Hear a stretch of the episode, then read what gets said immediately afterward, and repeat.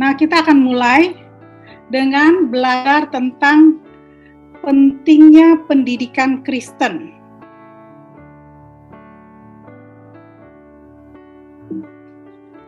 Pentingnya pendidikan Kristen anak di rumah.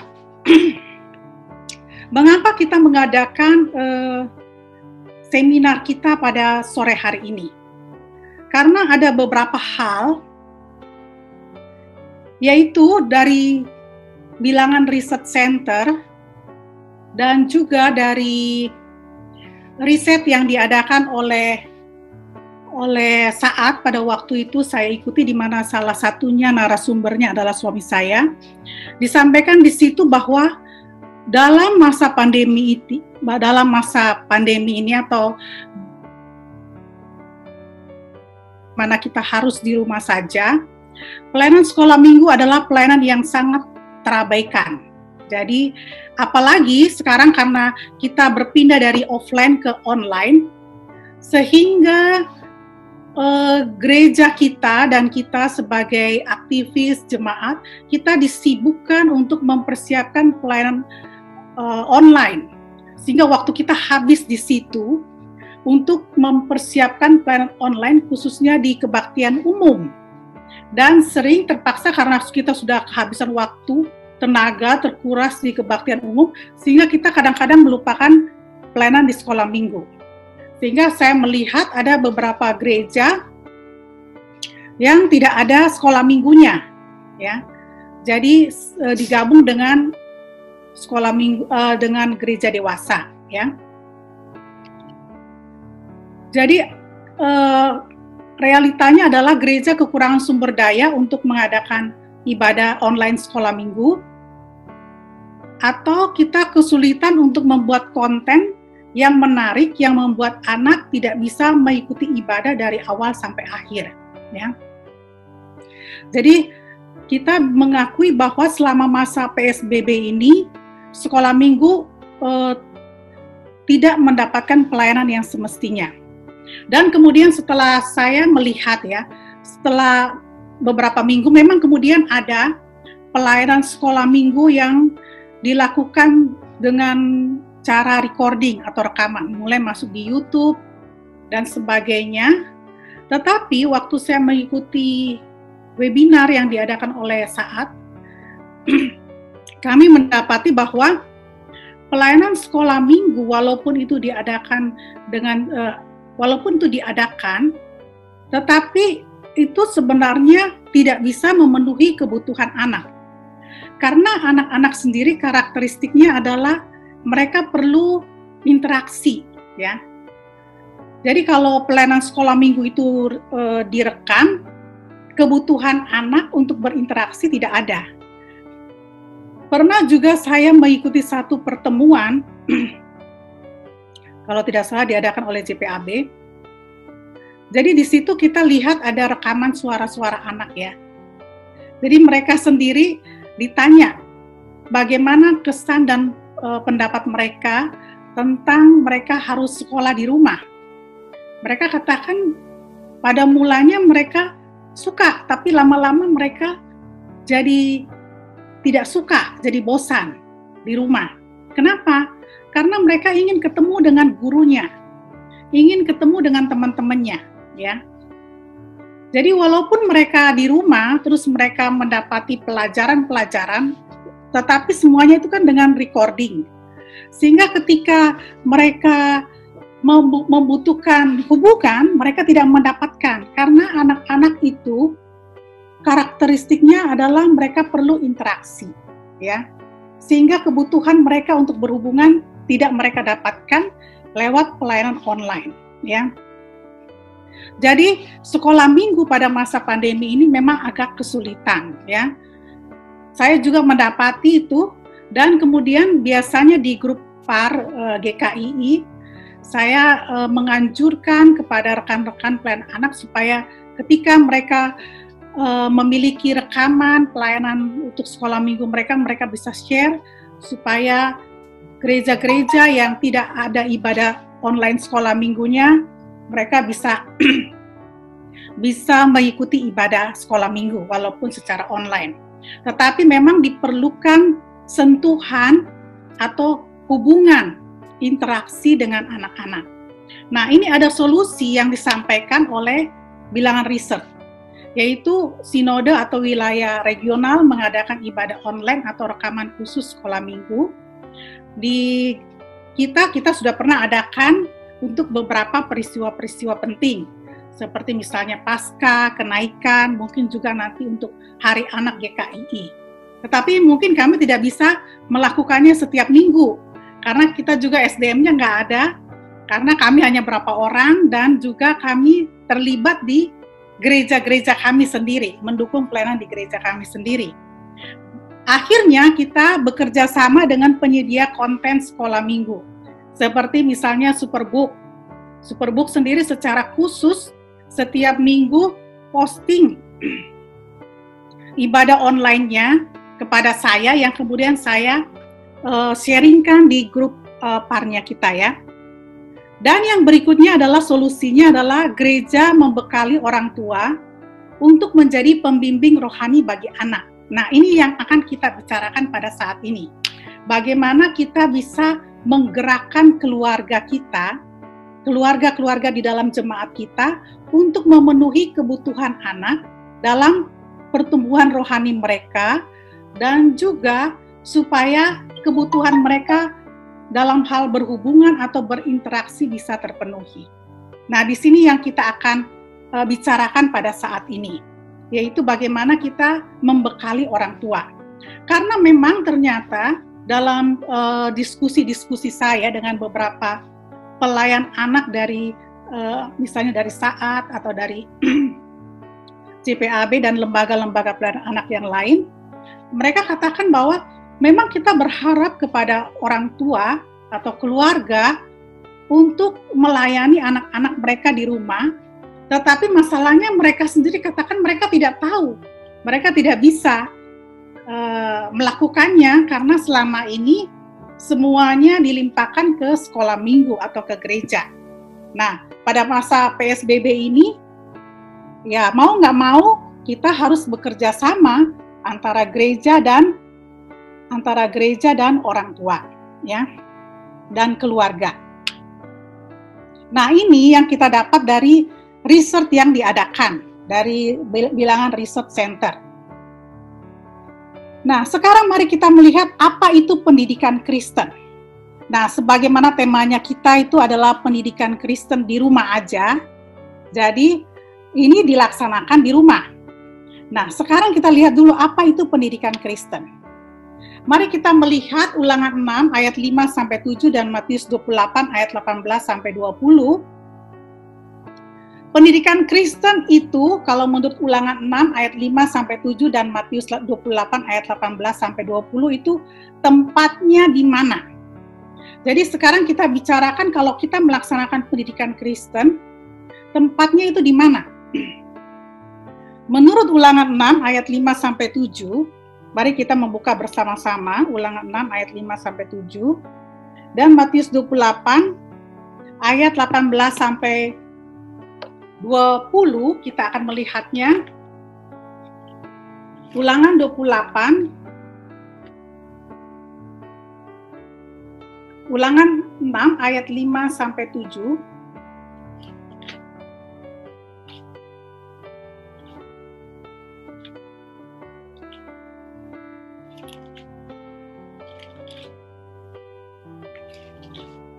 Ulangan 6 ayat 5 sampai 7 katakan Kasihilah Tuhan Alamu dengan segenap hatimu dan dengan segenap jiwamu dan dengan segenap kekuatanmu. Apa yang kuperintahkan kepadamu pada hari ini haruslah engkau perhatikan. Haruslah engkau mengajarkannya berulang-ulang kepada anak-anakmu dan membicarakannya apabila engkau duduk di rumahmu, apabila engkau sedang dalam perjalanan, apabila engkau berbaring dan apabila engkau bangun. Ulangan 6 ayat 5 sampai 7 dan Matius 28. Matius 28 pasti Bapak Ibu dan saudara semua sudah tahu itu bicara tentang amanat agung. Jadi kalau kita belajar dari ulangan 6 ayat 5 sampai 7 dan Matius 28, pendidikan itu tempatnya di mana kalau pendidikan Kristen, pendidikan rohani. kita bisa melayani dan mengadakan pendidikan itu di mana saja, ya, di mana aja, kayak Coca-Cola, di mana aja bisa. Kapan? Kapan saja? Bagaimana caranya? Bagaimana caranya kita melaksanakan pendidikan Kristen? Kalau dari ulangan 6 ayat 5 sampai 7 dan Matius 28, berarti kita menyampaikannya dengan cara mempengaruhi mereka. Mempengaruhi mereka. Menyampaikannya secara berulang-ulang. Berbicara kepada mereka, ya. Jadi ketika kita mengadakan pendidikan Kristen, berarti kita mempengaruhi anak-anak berarti kita berbicara kepada mereka dan menyampaikannya secara berulang-ulang. Dan apa yang diajarkan? Sudah tentu yang diajarkan adalah dalam pendidikan Kristen adalah firman Tuhan. Tidak mungkin kita mengajarkan yang lain, tetapi kita akan mengajarkan firman Tuhan. Mengapa? Supaya mereka bisa bertumbuh di dalam kerohanian mereka mereka bisa mengenal Tuhan yang mereka sembah. Apa tujuannya ketika kita mengadakan pendidikan Kristen di rumah aja? Jadi ketika kita menyampaikan misalnya cerita, oh kita sekarang mengadakan sekolah minggu di rumah aja. Tujuannya apa waktu kita mengajar? Yang pertama adalah supaya kita bisa menjelaskan Injil dan mengundang anak menerima Yesus sebagai juru selamat pribadi. Jadi tujuan kita mengadakan pendidikan Kristen itu selalu orientasinya adalah anak terima Tuhan Yesus sebagai Tuhan dan juru selamat pribadinya. Jadi waktu saudara menceritakan firman Tuhan, selalu arahkan anak yang pertama sekali agenda pertama adalah dia terima Yesus sebagai Tuhan dan juru selamat pribadinya. Yang kedua, tujuan pendidikan Kristen yang kedua adalah membuat seorang anak dewasa di dalam Kristus. Apa itu dewasa? Kita lihat kata kuncinya. Imamat 11 ayat 44 katakan, haruslah kamu kudus sebab aku ini kudus. Berarti kita mengajarkan anak-anak kita supaya menjadi anak-anak yang hidup kudus ya. Jadi membawa setiap anak dewasa di dalam Kristus. Jadi mereka mengalami pertumbuhan menjadi seorang anak yang dewasa, ya. Jadi saudara, waktu kita mengadakan pendidikan Kristen di rumah aja, kita akan menolong anak kita supaya mereka terima Yesus sebagai Tuhan dan Juru Selamat pribadi. Kemudian yang kedua, supaya mereka dewasa. Yaitu apa? Mereka belajar untuk hidup kudus. Kemudian di dalam 2 Timotius 3 ayat 17 katakan, mereka dilengkapi untuk perbuatan baik. Supaya mereka menjadi anak-anak yang baik. Anak-anak yang memiliki tingkah laku yang baik.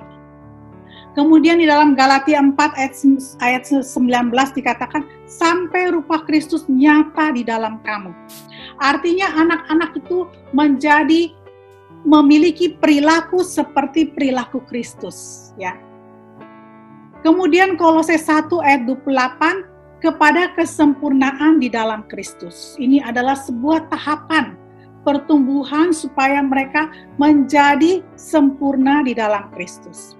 Artinya setiap anak-anak yang kita ajar ketika kita melaksanakan pendidikan Kristen kepada mereka, mereka akan menjadi anak-anak yang memiliki perilaku dan tingkah laku seperti Kristus, ya. Apa yang apakah tingkah laku dan perilaku Kristus? Itulah yang kita ajarkan kepada mereka.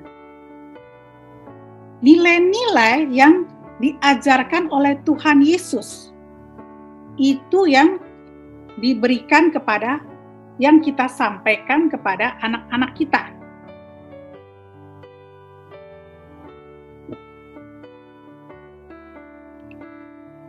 Nah, ketika mereka sedang dalam pertumbuhan, yaitu ketika mereka menuju dewasa di dalam Kristus, kita menyadari bahwa anak-anak membutuhkan keselamatan rohani.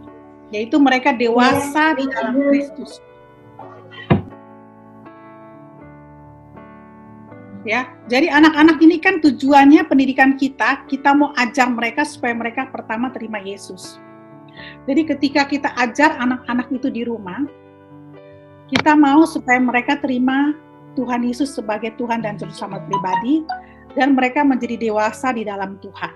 Ya, Nah, saudara, ketika mereka menuju kedewasaan di dalam Tuhan, kita menyadari bahwa mereka membutuhkan keselamatan rohani.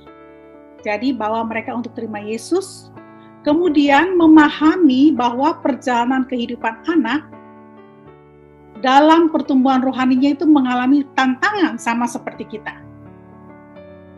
Kenapa, saudara? Anak-anak dalam kehidupan mereka mengalami banyak perubahan Misalnya saja saudara yang sekarang kita alami ini adalah perubahan dari sekolah di sekolah di uh, uh, apa belajar di sekolah sekarang belajar di rumah. Itu akan ada perubahan terjadi. Kalau di sekolah dia belajar teratur. Sampai di rumah enggak. Misalnya di sekolah dia harus bangun jam 6 pagi. Di rumah dia bisa bangun lebih siang. Ada perjalanan kehidupan anak dalam pertumbuhan rohaninya. Ada perubahan-perubahan yang terjadi.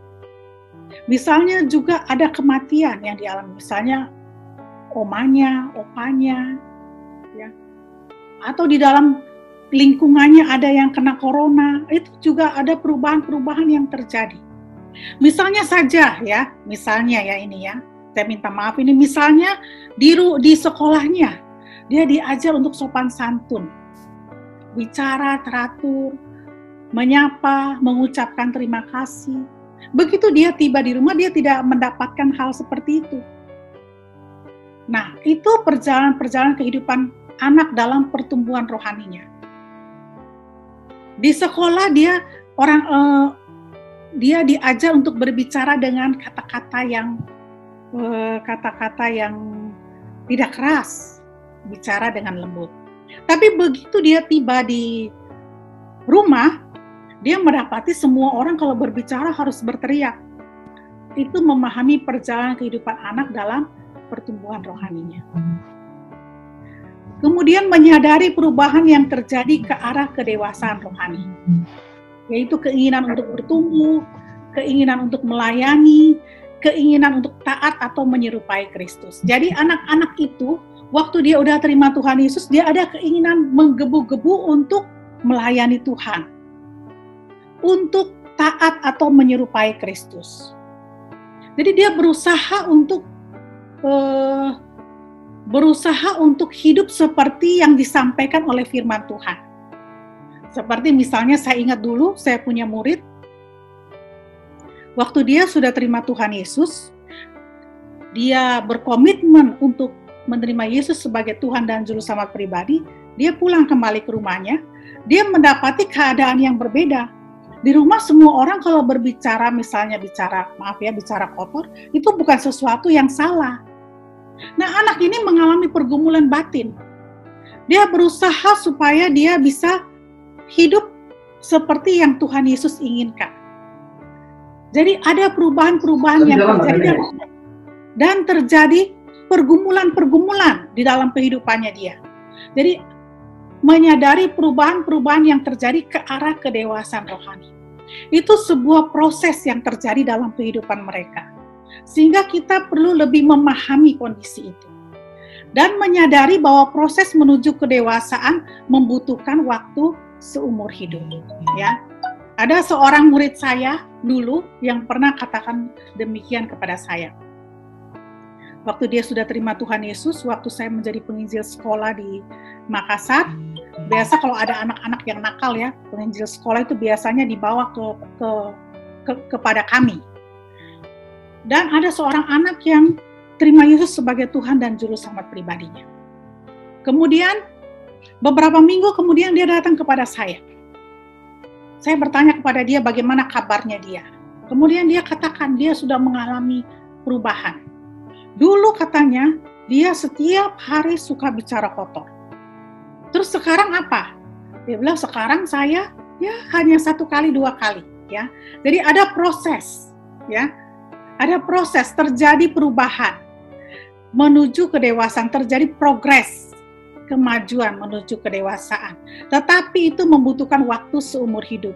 Dan perlu dilihat bahwa ada perubahan-perubahan yang terjadi dalam hidupnya yang akan mempengaruhi proses menuju kedewasaan.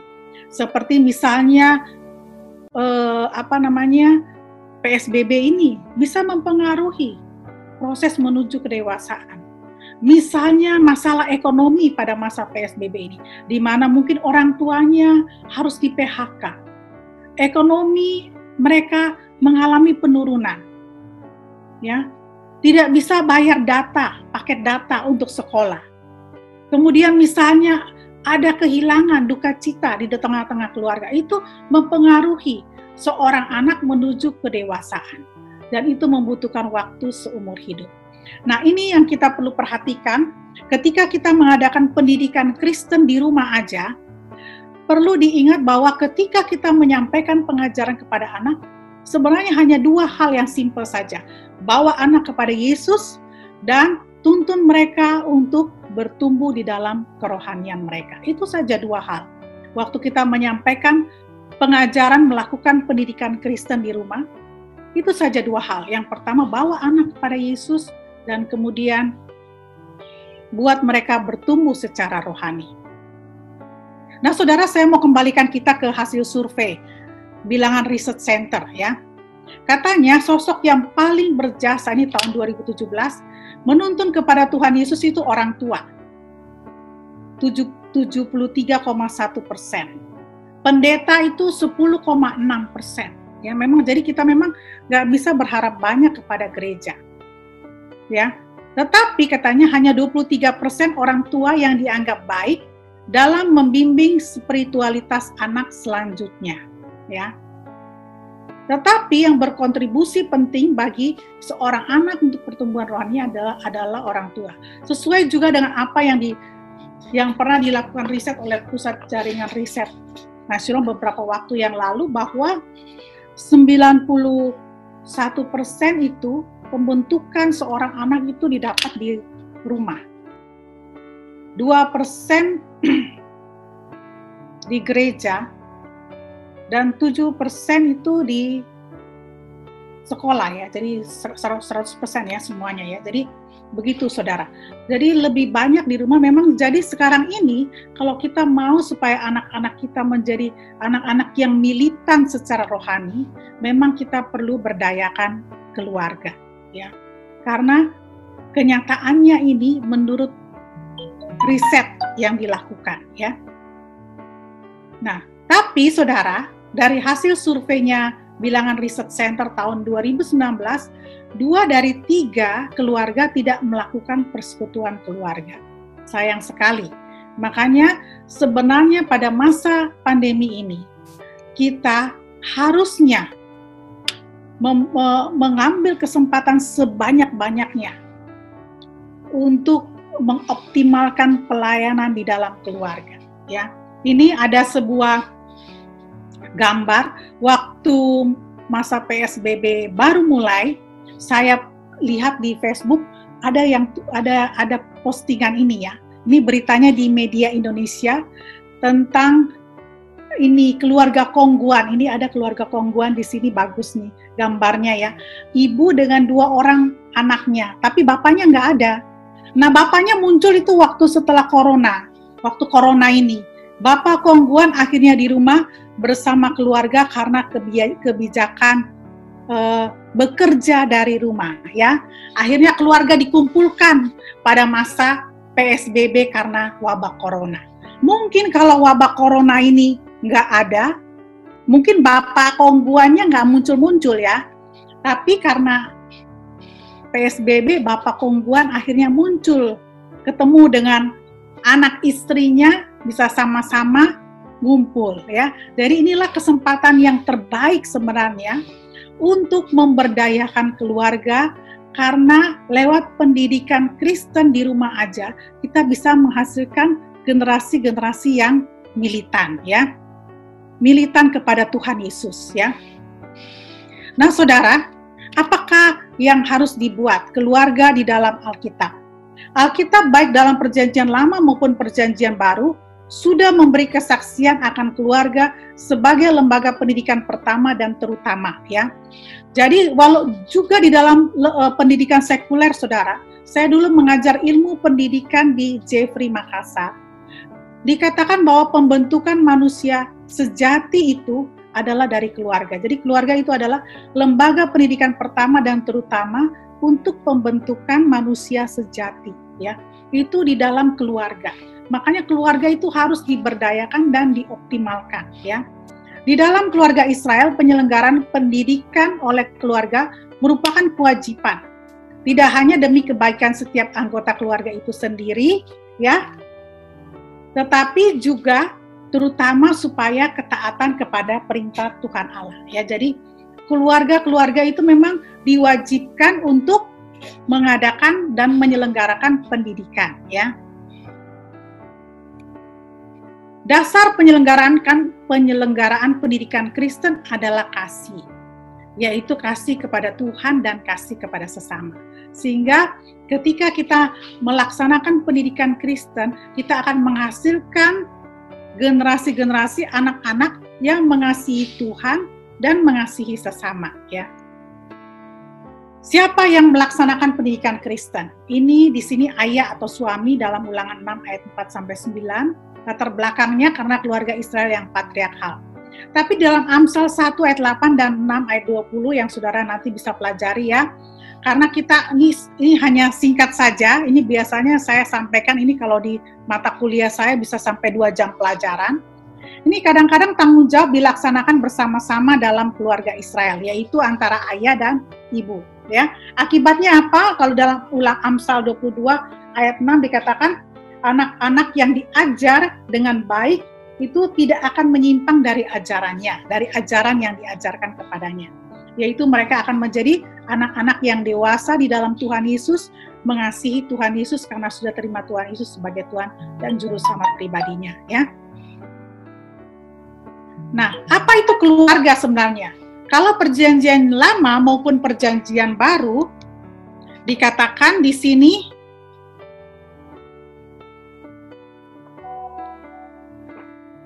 bahwa keluarga itu tidak semata-mata hanya terdiri dari keluarga inti, yaitu disebut nucleus family, yaitu ayah, ibu, dan anak. Tapi seisi rumah, extended family yang terdiri dari ayah, ibu, anak, hamba, sepupu, dan lain-lain. Pada penyunatan pertama sebagai tanda perjanjian Abraham dengan Allah, seluruh isi rumahnya, laki-laki, laki-laki turut di, di apa namanya ini laki-laki turut disunat. Ini kejadian 17 ayat 27. Jadi seisi rumahnya Abraham itu adalah keluarganya Abraham. Begitu juga Lydia orang Tiatira dalam perjanjian baru, dia memberi diri dibaptis bersama dengan seisi rumahnya. Bisa 16 ayat 15 yang disebut dengan extended family ya kalau di keluarga di dalam Alkitab ya. Kalau keluarga kita untuk anak itu siapa? Yaitu tempat anak itu tinggal atau anak itu dibesarkan itulah keluarganya dia, orang tuanya dia. Nah, tapi saudara perhatikan apa yang Yesus mau sampaikan kepada kita juga, selain daripada yang kita pelajari tentang nukleus dan extended family. Yesus memperluas pengertian keluarga ke dalam persekutuan orang beriman. Siapa pun yang melakukan kehendak Bapakku di surga, dialah saudaraku laki-laki, dialah saudaraku perempuan, dialah ibuku. Matius 12 ayat 50. Keluarga Kristen merupakan persekutuan umat terkecil di mana Allah berkenan hadir. Matius 18 ayat 20 yang menyatakan di mana dua atau tiga orang berkumpul, di situ aku ada.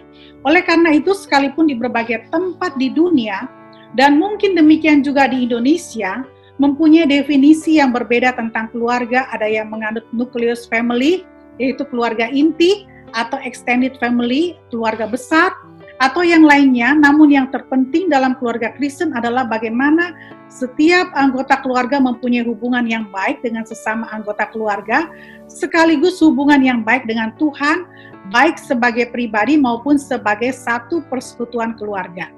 Ciri keluarga Kristen terletak terutama pada hubungannya dengan Tuhan.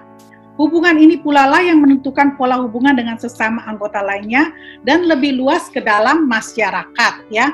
Jadi, saudara kalau kita lihat di sini berarti keluarga Kristen itu adalah orang-orang yang masuk dalam persekutuan umat Tuhan di mana Tuhan Allah hadir.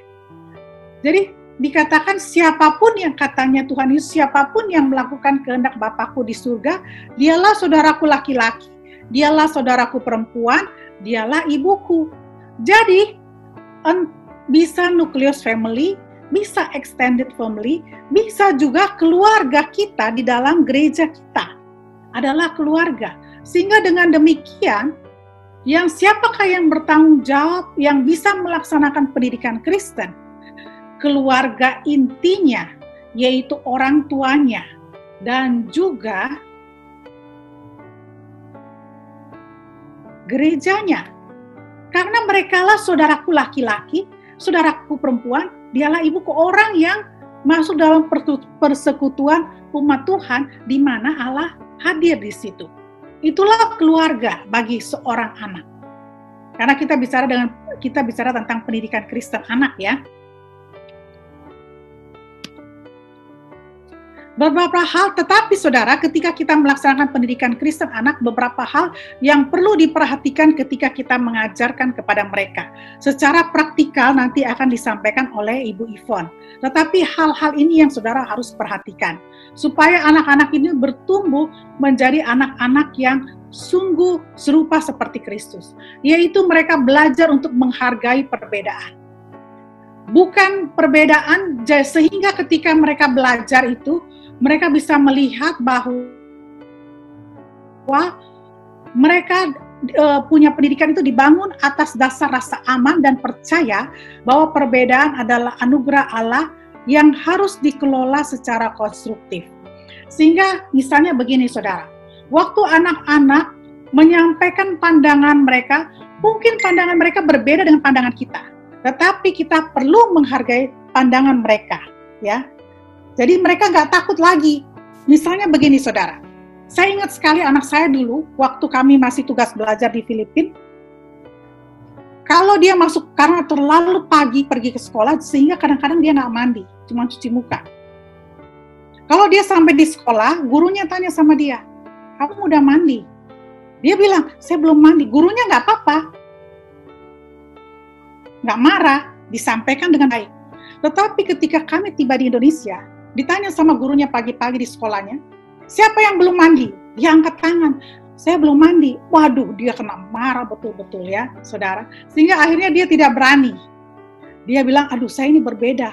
Yang lainnya pada mandi, saya sendiri nggak mandi ya, saudara. Jadi pendidikan yang menghargai perbedaan ya. Tidak apa-apa berbeda pandangan. Kalau pandangan tersebut salah, kita menyampaikannya sehingga anak-anak tidak merasa curiga atau ketakutan, tetapi merasa aman dan percaya bahwa pandangannya dia itu didengar, ya. Kemudian yang berikutnya adalah beberapa hal yang perlu diperhatikan, yaitu orang tua dan orang dewasa, termasuk di gereja, fungsinya adalah memberikan teladan kepada mereka dan menghargai mereka, menghargai anak-anak. Pola hub yang bukan didasarkan pada pola hubungan hierarkis, melainkan pada hubungan yang setara. Ya, baik anak laki-laki maupun anak perempuan. Artinya apa, saudara? Berilah, uh, uh, hargailah suara dari anak-anak. Hargai pendapat dan pandangan mereka.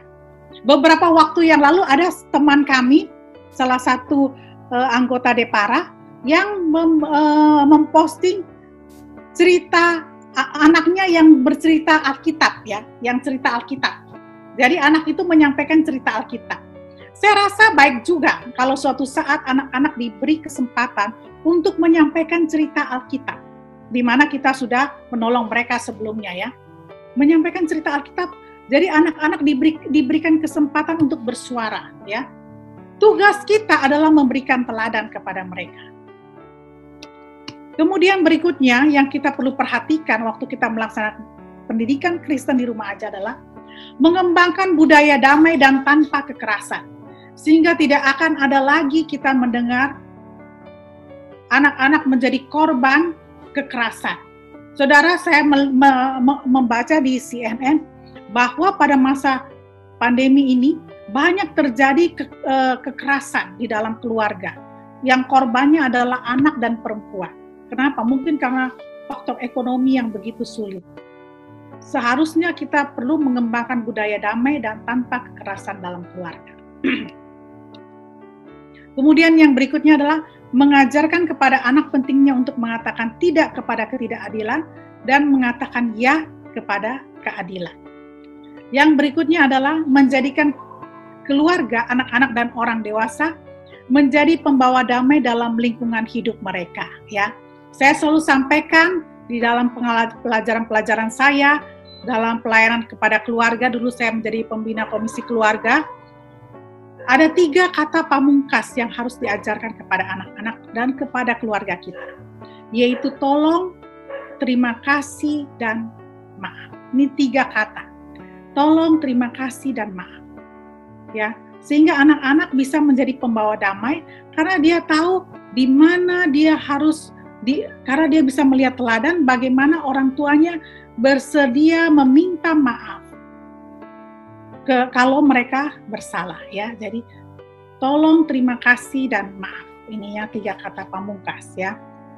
Nah, apakah peran kita sebagai orang tua ini saya hanya briefly saja sampaikan menanamkan nilai-nilai rohani sejak dini kepada anak, menyediakan hubungan pri yang prima dengan anak yaitu menularkan nilai-nilai sosial seperti kasih sayang, sharing secara informal, menggunakan soft skill melalui komunikasi orang tua dan anak, perlu lihat karakteristik anak-anak sekarang. Anak-anak sekarang adalah anak-anak pasca milenial, anak-anak generasi apa itu Z ya, dengan generasi alpha punya cara berkomunikasi yang berbeda dengan cara kita generasi saya ini generasi apa ya? Generasi X kali ya ya punya soft skill uh, yang berbeda dengan kita ya. Mereka punya cara berkomunikasi berbeda. Jadi kita perlu punya kemampuan itu. Menyediakan menyediakan lingkungan yang diperkaya, enrich environment, meluangkan waktu berkumpul, saling mendukung dan memberikan teguran dukungan secara tepat. Kemudian mendukung anak ketika berhadapan dengan pengetahuan, mendampingi bukan hanya pada saat anak menghadapi masalah, dan membicarakan visi-visi keluarga. Membantu anak melihat panggilan dan menghargai anak apa adanya. Ya ini peran orang tua secara konkret.